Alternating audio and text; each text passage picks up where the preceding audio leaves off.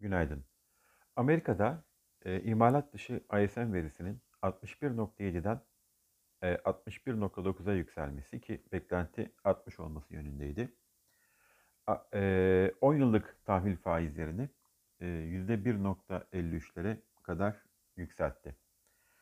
E, bir gün önce e, sert düşen teknoloji hisselerine gelen tepki alımları ve büyüme sektörü hisselerinde de olumlu performansla Amerika'da dün endeksler yükseldi.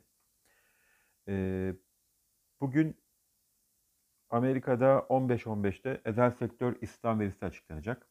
İstihdam artışının 374 binden 428 bin kişiye yükselmesi bekleniyor.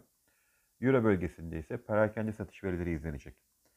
Dün Avrupa tarafında da hizmet PMI verileri beklentilerin üzerinde gerçekleşti ve e, endeksler e, bir gün önceki e, kayıplarını telafi ettiler Avrupa tarafında da. E, bu sabah Asya piyasalarında Japonya negatif, Hang Seng negatif, e, Amerika'da vadeli endekslerde e, görünüm negatif. E, Çin'de e, Cuma'ya kadar piyasalar kapalı, tatil devam etmekte. E, Borsa İstanbul tarafında ise dünkü işlemlerde 1388 ile 1396 dar band aralığında işlem aktivitesi gözlendi. E, endeksin 20 günlük hareketli ortalaması 1410 seviyelerine doğru e, geri çekilmiş durumda. E, mevcut görünümde e, endeksin e, 20 günlük hareketli ortalamasına doğru tepki yükseliş eğiliminin devam etmesini bekleyebiliriz. İyi günler, bereketli kazançlar.